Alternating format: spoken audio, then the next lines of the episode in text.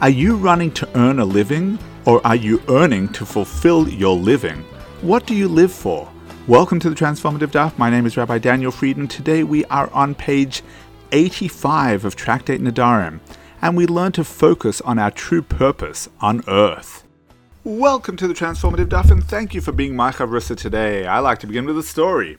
Reb Simcha Bunim was once standing outside his shul waiting for a minyan. A fellow was rushing by, and Reb Simcha Bunim asked him whether he'd like to join them for services. I'm sorry, I can't. I'm in a hurry, said the man. Where are you in such a rush to get to? asked the rabbi. I'm running after my parnasa, replied the man. Indeed, it's clear you're running, said Reb Simcha Bunim. But how do you know you're running after your parnasa? Maybe you're running away from your parnasa. Today's daf discusses the value of an intangible benefit. If a thief steals untithed produce, must he repay the entire amount? Or do we say that the owner anyway had to separate tithes, let's say 20% to use round figures, and so he's only lacking 80% of the stolen goods? In other words, the 20% never belonged to him, it belonged to heaven. Such a suggestion, however, implies that the tithes have no value whatsoever to the owner. But is that the whole story? How about the right of choosing to whom to give the priestly tithes? Is that not an intangible benefit that is now lost? Let's look at the Gemara. Says the Gemara, if one steals another's untithed produce and eats it, he must pay him the value of his untithed produce, the full value of what he stole. This is a statement of Rebbe. Rabbi Yossi Rebbe Yehuda says he pays him only the value of the non-sacred produce that it contained. Shall we not say that they disagree about this? Rebbe maintains that intangible benefit is considered to have monetary value, and Rebbe Yossi, son of Rebbe Yehuda, maintains that intangible benefit is not considered to have monetary value.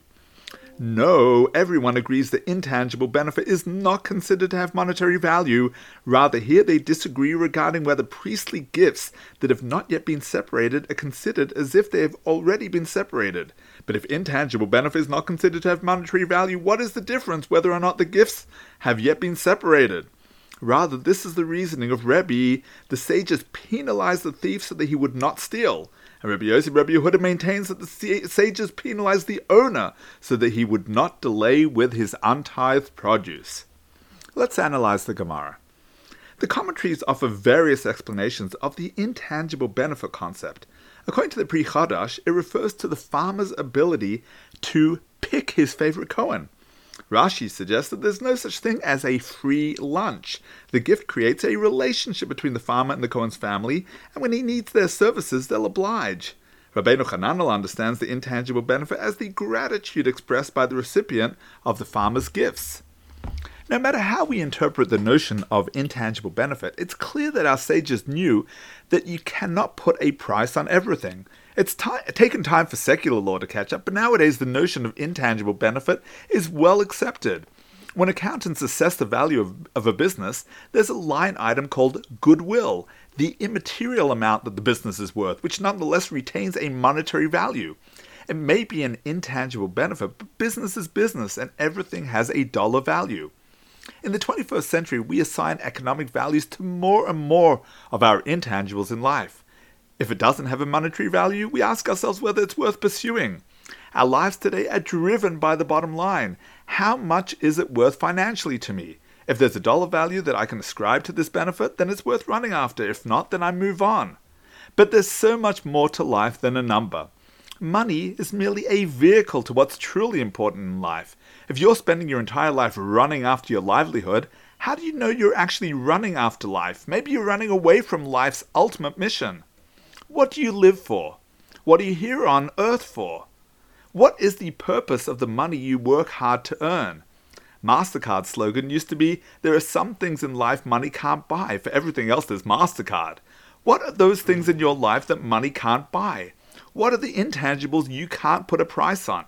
You can't put a price on family time. Every moment you spend with your loved ones is priceless. You can't put a price on God time. Every moment you spend learning Torah, doing mitzvahs, and in prayer communion with the Almighty is absolutely priceless. Money is there simply to serve the important things in life. If everything in life has a monetary value, you've lost your direction and connection to a higher purpose.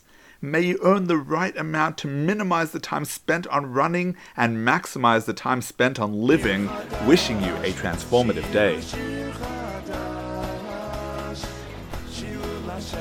Thank you for tuning into the Transformative Daf podcast with Rabbi Daniel Friedman. Whether you've been doing Daf Yomi for years or you're not quite ready to commit but want to be part of the Daf Yomi global movement, there's something in the Transformative Daf for everyone. It's about joining the conversation, it's about talking over the Daf with your family, your friends, your colleagues. It means never being short of a discussion starter or a meaningful Dvar. Every page of the Gemara, every word, every letter contains the secrets of the universe to achieving a life of simcha and purpose. Transform your life today. The Transformative Daf is published by Mosaica Press and available at all good Jewish bookstores and online from mosaicapress.com. Thank you, The Transformative Daf.